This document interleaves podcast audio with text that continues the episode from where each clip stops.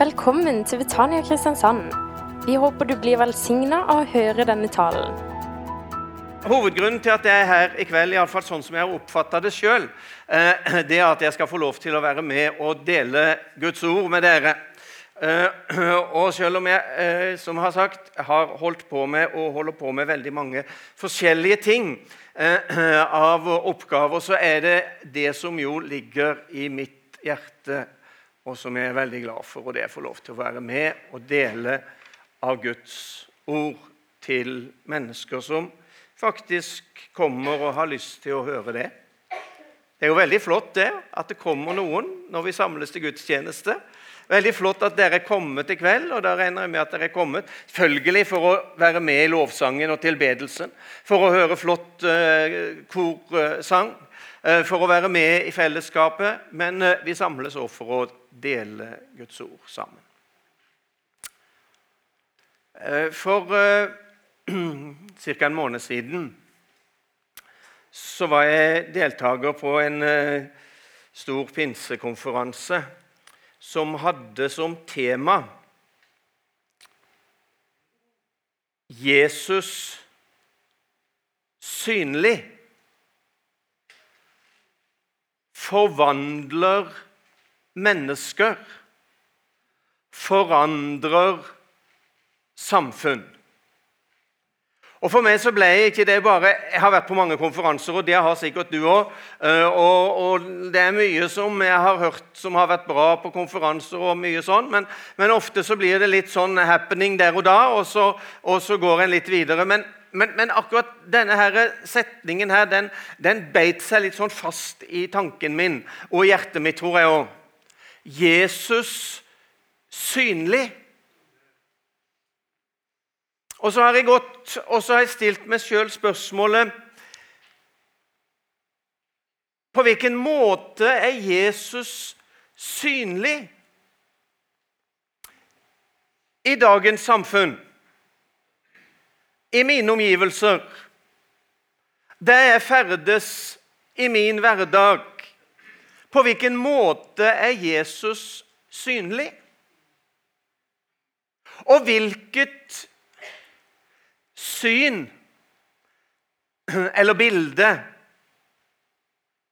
av Jesus er det som er synlig, eller som synliggjøres, og som vises.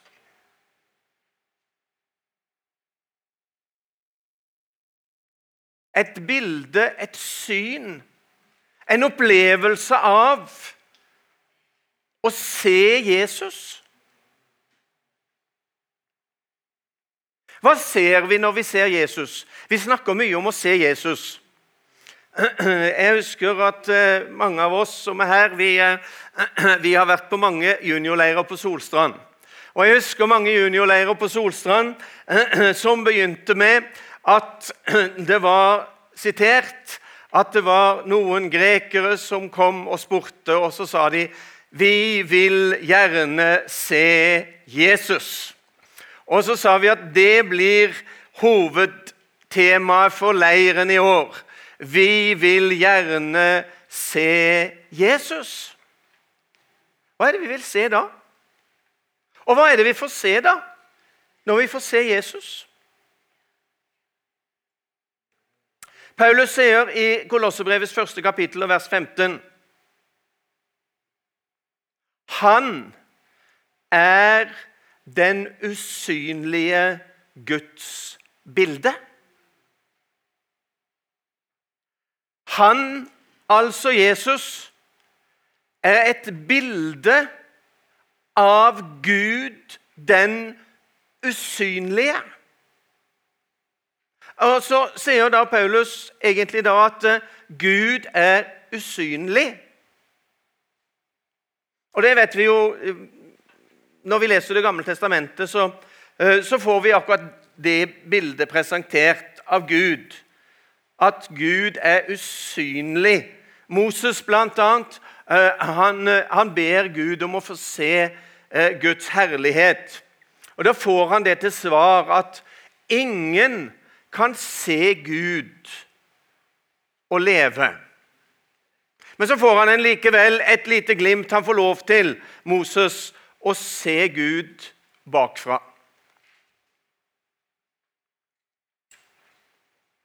Johannes han skriver i det første kapittelet i Johannes evangelium, vers 18 Ingen har noen gang sett Gud.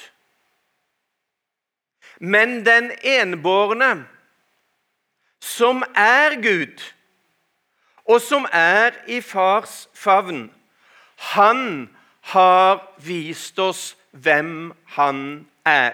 Altså forteller Bibelen oss her at Jesus er et bilde av Gud. Jesus viser oss hvem Gud er. Så når vi får se Jesus, så får vi se noe av hvem Gud er. Jesus kom, ble menneske, kom for å vise oss et bilde av Gud. Hebreerbrevets første kapittel sier han er en utstråling av Guds herlighet.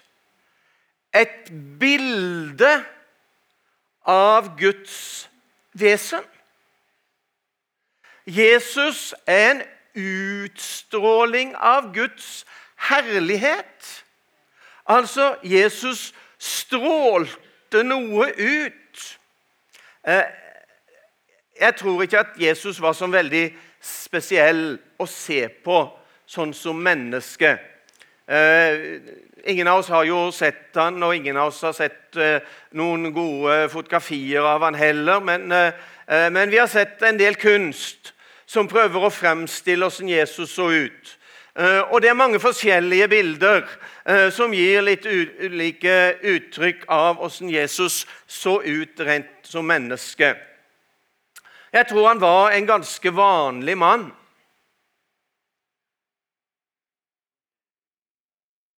Men jeg tror han strålte ut noe som var annerledes enn hos den vanlige mannen i gata. Jeg tror at når Jesus gikk rundt her på jorda, eh, så var han faktisk en utstråling av noe guddommelig. Av noe himmelsk. Det er veldig vanskelig for oss mennesker å beskrive guddommelig herlighet, for det blir litt sånn, blir litt sånn svevende og litt sånn diffust. Men, men, men vi skjønner i alle fall at dette her med guddommelig utstråling. Det handler om noe veldig flott. Noe veldig fint. Noe som ikke det naturlige øyet kan se, egentlig. Paulus snakker om det som øyet ikke kan se, øret ikke kan høre, det som ikke kommer opp i noe menneskes tanke, det Gud har beredt for den som elsker han, men så sier eh, Paulus videre der Men oss har Gud åpenbart eller vist det. Ved sin ånd så kan vi få lov til å se noe av denne utstrålingen av Guds herlighet, av Guds storhet, av Guds vesen. Jesus synlig men nå er han jo ikke her synlig. Nå går han jo ikke rundt sammen med oss. Selv om vi tror han er her, gjør vi ikke det? Jeg tror han er her. Jeg tror at den Jesus som er midt iblant oss i kveld, han er like reell og like virkelig eh, som den Jesus som gikk omkring på jord eh, og gjorde vel. Det er ikke noen annen Jesus eh, som har sagt at han vil være sammen med oss i Betania i kveld. Eh, det er akkurat den samme Jesus, han som er i går og i dag og til evig tid den samme. Han er midt iblant oss når vi er samla i hans navn. Vi tror på det. Men vi ser han jo ikke så godt med det naturlige øyet.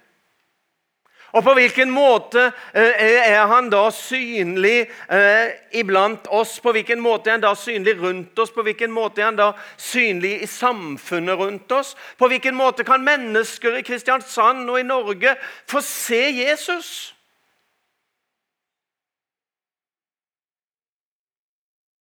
Jeg leser fra 2. Korinterbrev, kapittel 4. Der står det sånn fra vers 6.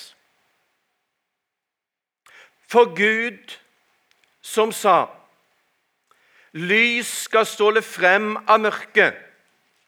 Han har også latt lyset skinne i våre hjerter, for at kunnskapen om Guds herlighet i Jesu Kristi ansikt skal lyse eller stråle fram.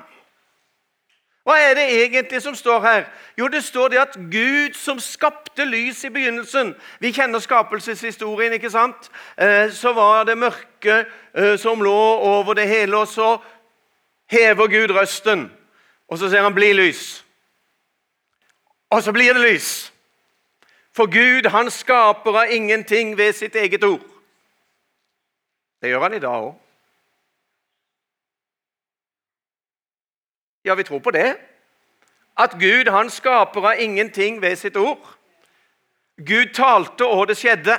Gud sa 'bli lys', og så ble det lys. Og så sier altså Paulus her i 2. Korinterbrev at på samme måte som Gud i skapelsen sa at lyset skulle skinne frem av mørket, så har Gud latt lyset skinne i våre hjerter. Hva betyr det? Jo, det må jo bety at en dag eh, så satt Gud lyset på i Kjells hjerte. Og i ditt hjerte. En dag så fikk vi lov til å oppleve at lyset ble tent. Og når lyset ble tent, så måtte mørket ut, og så lot Gud lyset. Eller for å se det på en litt annen måte. Han lot Han som er verdens lys, ta bolig ved troen i mitt hjerte. For Jesus sa jo om seg sjøl 'Jeg er verdens lys'. Gjorde han ikke det? Og så har han altså tent lyset, eller flytta inn med lyset, i våre hjerter. Hvorfor har han gjort det? For at det skal lyse der inne? Ja, selvfølgelig. For at det skal være lyst og fint og åpent og klart der inne? Ja, selvfølgelig det. Men enda mer eh, for at kunnskapen om Guds herlighet i Jesu Kristi ansikt skal stråle fram ifra oss. Jesus synlig? På hvilken måte er Jesus synlig i dag?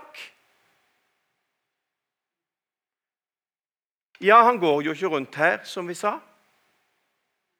Men du er her. Og jeg er her. Og vi er her. Og hva har vi opplevd? Jo, vi har opplevd at lyset fra evangeliet, han som er verdens lys, han har flytta inn i våre hjerter for at Guds herlighet Og dere Dette her er egentlig ganske stort. Hvis du klarer å gripe tak i tanken at Gud lot lyset skinne i våre hjerter ved at Jesus Kristus, verdens lys, han flytta inn han som er avglansen av Guds herlighet, han som er avbildet av hans vesen, han som stråler ut det guddommelige, det himmelske, det lys som fortrenger alt mørke. Han har flytta inn i ditt og mitt liv for at lyset skal stråle ut. Og det lyset som stråler ut, det er så rikt på herlighet, og det er så effektivt at nå skulle jeg fryktelig gjerne ha brukt en, en halvtime eller en time eller noe sånt Eh, men det skal jeg selvfølgelig ikke gjøre. På å sagt noe om det som står i det tredje kapittelet i andre Korinterbrev. For i det tredje kapittelet i det andre Korinterbrev eh, så står det noe om den herligheten som fulgte med den gamle pakt. Og så syns kanskje noen at det, blir litt sånn avansert og, og krevende sånn på, en, på en, søndags ettermiddag. Eh, at det var en herlighet, en guddommelig herlighet, som fulgte med den gamle pakt. Og så var det med den guddommelige herligheten som fulgte med den gamle pakt? Jo, den herligheten den var så sterk at når Moses hadde vært på fjellet og møtt Gud, så strålte ansiktet hans. Han hadde møtt Gud på en sånn måte at ansiktet hans strålte, så alle menneskene som var der nede, hele israelsfolket som var der nede når Moses hadde vært på fjellet, de så at det strålte noe ut av ansiktet hans når han kom ned igjen.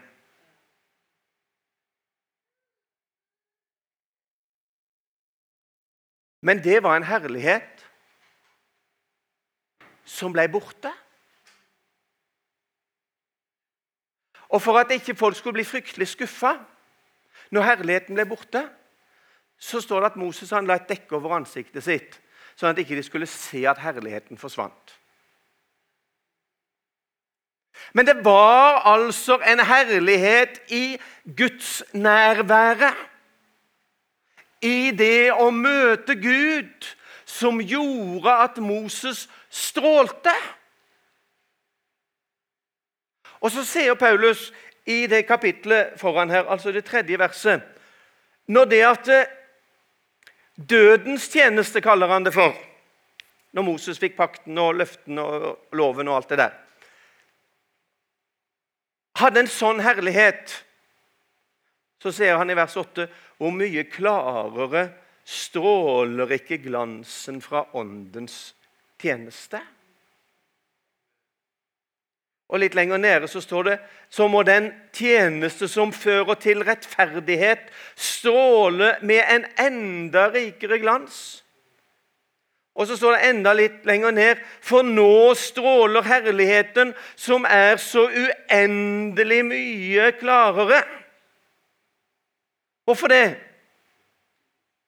Fordi at denne herligheten, det er et bilde av en oppstanden Kristus. Jesus, han ser vi, krona med herlighet og ære. Den oppstandende Kristus stråler ut en herlighet som ikke blir borte. Som ikke bare er et gjenskinn av noe en kort tid, men det er en utstråling av himmelsk herlighet, en utstråling av Jesus.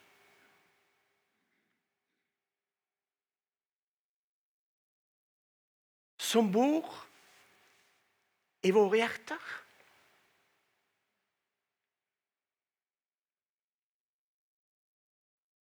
Og Derfor så sier Jesus dere er verdens lys. Dere er verdens lys. Han sier ikke at dere skal prøve å bli verdens lys. Han sier ikke dere skal få se om dere kan klare å få til å være verdens lys. Han har aldri sagt det. Vi strever litt med det noen ganger. Så ber vi veldig mye om at vi må få lov til å være jordens salt og verdens lys. Men Jesus har sagt dere er jordens salt.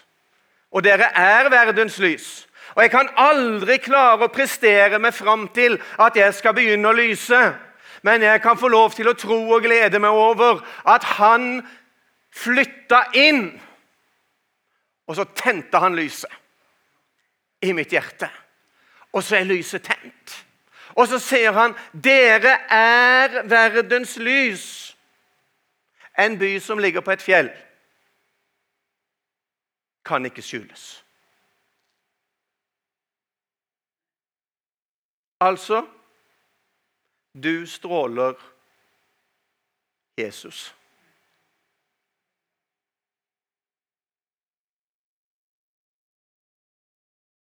Ja, Blir ikke det sluttsummen på dette her, da? Hvis jeg så langt har sagt, og hvis noen har forstått litt av det, blir, det ikke sånn da? At han som altså bød at lys skulle skinne frem av mørket. Han har latt det skinne i våre hjerter. Og det han har latt skinne i våre hjerter, det er en evig, uforanderlig herlighet. For Jesus Kristus er i går og i dag til evig tid den samme. Han bor her inne for at kunnskapen om Guds herlighet i Jesu Kristi ansikt skal stråle ut fra oss.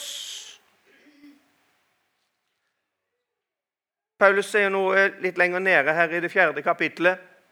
Vi bærer alltid Jesu død med oss i vår egen kropp, for at også Jesu liv skal bli synlig i den. Og så står det videre.: For ennå mens vi lever, blir vi stadig overgitt til døden for Jesus skyld, for at også Jesu liv skal bli synlig i vår dødelige kropp. Jesus synlig. Hvor er Jesus synlig i dag? I vår dødelige kropp. Halleluja. Jeg må få lov å si det. Jeg syns det er stort, det. Jesus synlig. I vår dødelige kropp. En utstråling av hvem Jesus er. Det er du og meg, det. For en by som ligger på et fjell, den kan ikke skjules.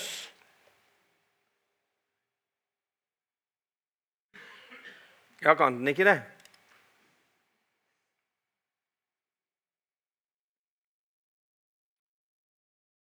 Jeg har iallfall sagt at uh, jeg kan ikke klare å prestere meg til å lyse. For det er ene og alene et nådeverk av Gud i Kristus Jesus. Det er jo det. Det er ikke noe som jeg eller du eller noen andre kan på noen som helst slags måte prestere oss fram til, men det er et nådeverk av Gud i Kristus Jesus at han lot lyset gå opp i våre hjerter, og så lar han det skinne i våre hjerter, og så skal det stråle, og så stråler det ut ifra oss eh, for at verden rundt oss, menneskene rundt oss, skal se at Jesus lever i dag. Han gjør jo det. Og menneskene rundt oss trenger å se det, at Jesus lever i dag. Derfor trenger menneskene rundt oss å se oss. Menneskene rundt oss trenger å se oss. For det er vi som gjør Jesus synlig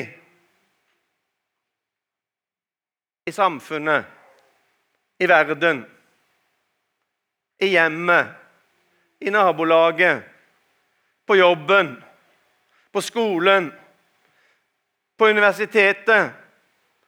Der som vi er satt i vår hverdag.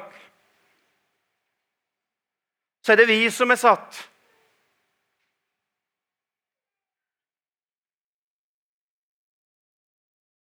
Når Jesus snakker om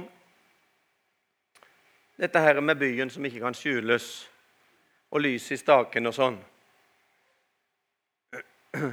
så ser han noe om at Ikke at vi kan tenne det eller få det til, men han sier noe om at vi skal ikke sette det under ei bøtte eller ei skjeppe eller et kar eller hvilket ord du nå vil bruke. Vi skal, ikke, vi skal ikke skjule det lyset som er i oss.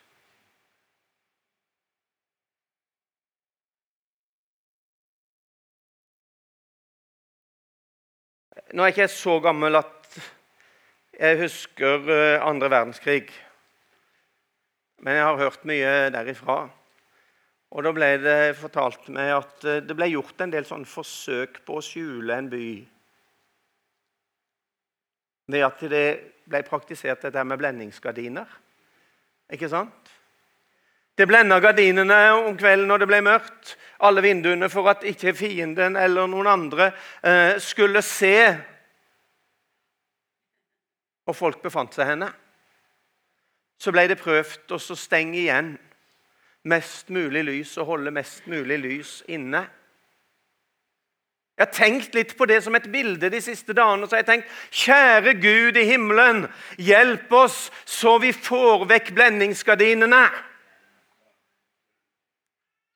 Sånn at ikke det er noe i mitt liv eh, som jeg liksom drar foran vinduene, eh, sånn at ikke omgivelsene mine kan se at det lyser. For jeg kan ikke gjøre noe for å lyse. Men det ser ut som at Jesus sier noe om at vi kan gjøre noe for å begrense lyset.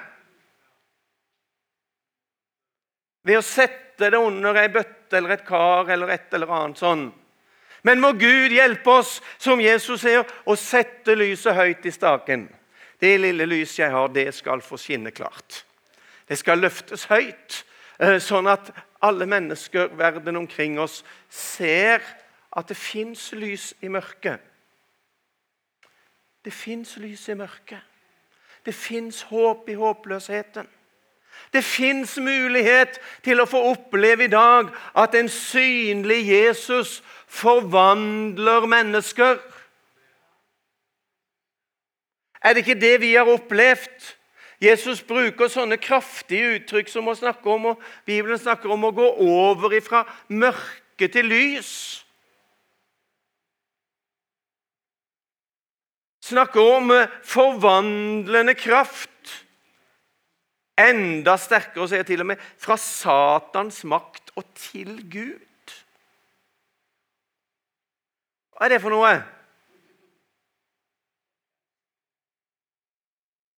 Det er en mulighet til å få oppleve at lyset stråler inn i mørket.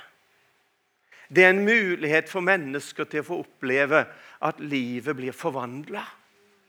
Det er en mulighet for mennesker omkring oss til å få oppleve at de får et nytt liv fordi de får se Jesus. Fordi de får møte Jesus. Så forvandler det mennesker fra mørke til lys, til et nytt liv. Fra død til liv. Forvandler mennesker forandrer samfunn. Er det mulig? Er det mulig at lyset i oss kan forandre det norske samfunnet i 2019 og framover? Er det mulig? Vi hører jo så mye om alle disse negative kreftene som påvirker så dramatisk. Eh, og så tror vi det at eh, snart så er det slutt på alt som heter lys og kristendom og påvirkning og framtid og alt sammen.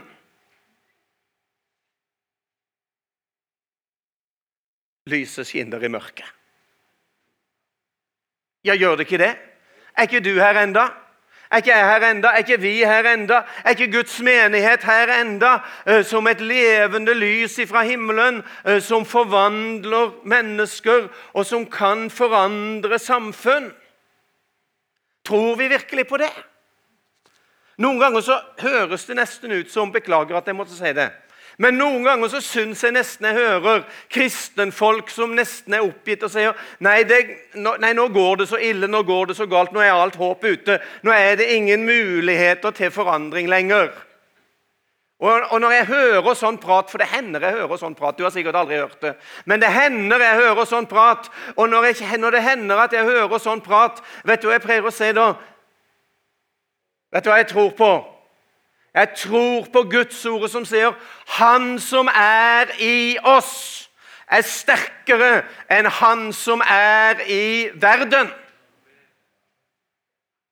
Er det ikke seiershelten fra Golgata vi tror på? Er det ikke han som triumferte over døden og dødens velde? Er det ikke han som triumferte over alle nedbrytende, destruktive og ødeleggende krefter? Er det ikke han vi tror på? Er det ikke han som har tent lys i våre hjerter? Er det ikke han som bor i våre hjerter? Er det ikke han vi stråler ut der vi ferdes i vår hverdag? Midt i jobben, i nabolaget, der Gud har satt oss i vår tid. For det er noe med det å være på den rette plassen. Jeg har talt mye om Ester de siste åra. Og den der setningen som går igjen når du snakker om Ester, den kommer liksom igjen hele tida. ikke sant? For en tid som denne.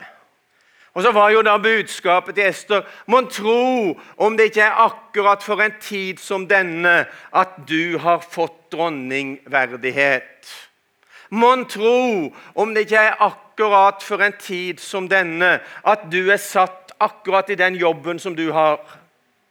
At du er akkurat i den skoleklassen som du er. At du er plassert akkurat i det nabolaget som du er at du er engasjert i akkurat den fotballklubben med ungene dine som du er. At du er engasjert i akkurat det koret. Altså Vi tror vel ikke på tilfeldigheter? Vi tror på en Gud. Forandrer samfunn. Jeg har lest igjen og tenkt igjen på Daniel. Vi som har levd noen år, vi har sunget 'Våg å stå som Daniel, hjelp fra himmelen vendt'. Ikke sant? Våg å stå som Daniel. Hva var det som var så spesielt med Daniel? Det står ingen plass at han var en veldig dyktig predikant. Ikke som jeg kan lese, iallfall. Det står ingenting heller om at uh, han var ute på evangelisering. Nå ser jeg ikke noe uh, negativt om predikanter. Eller om det som er ute og evangeliserer. Men det som griper meg når jeg leser om Daniel, det er å se at det som gjorde at Daniel fikk lov til å være med og se, for det fikk han lov til å være med og se, at samfunnet, verdenssamfunnet som han levde i, det ble forandra. Og han var et redskap til at det ble forandra. Hvorfor det? Fordi han levde et liv som strålte Guds nærvær. Det står om Daniel han var annerledes fordi det var en annen ånd i han.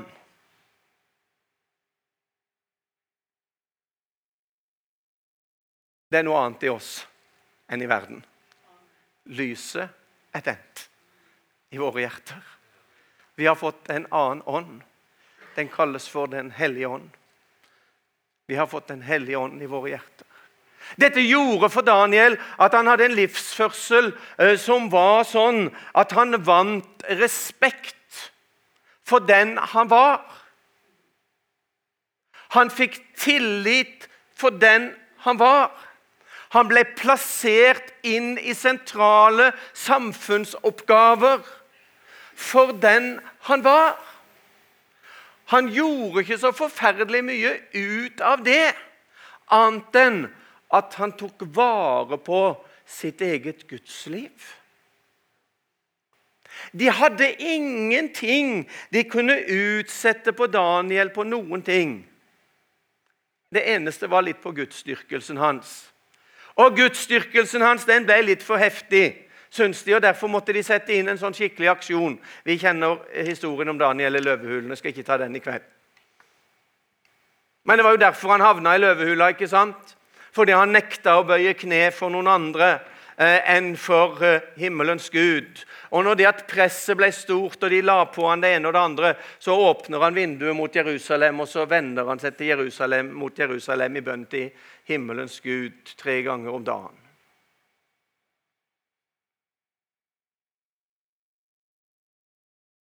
Da står det etter at Daniel var kommet levende ut av løvehula. Og Jeg leser det til slutt i kveld. Da skrev kong Darius til folk og nasjoner og tungemål over hele jorden. rikelig fred. Herved gir jeg påbud om at overalt i mitt kongerike, så langt mitt velde når, skal folket frykte og skjelve for Daniels Gud. For han er den levende Gud. Han blir til evig tid. Hans kongerike går ikke til grunne. Hans velde er uten ende. Han berger og redder og gjør tegn og under i himmelen og på jorden. Han berget Daniel av løvens klør. Jesus synlig forvandler mennesker, forandrer samfunn i dag.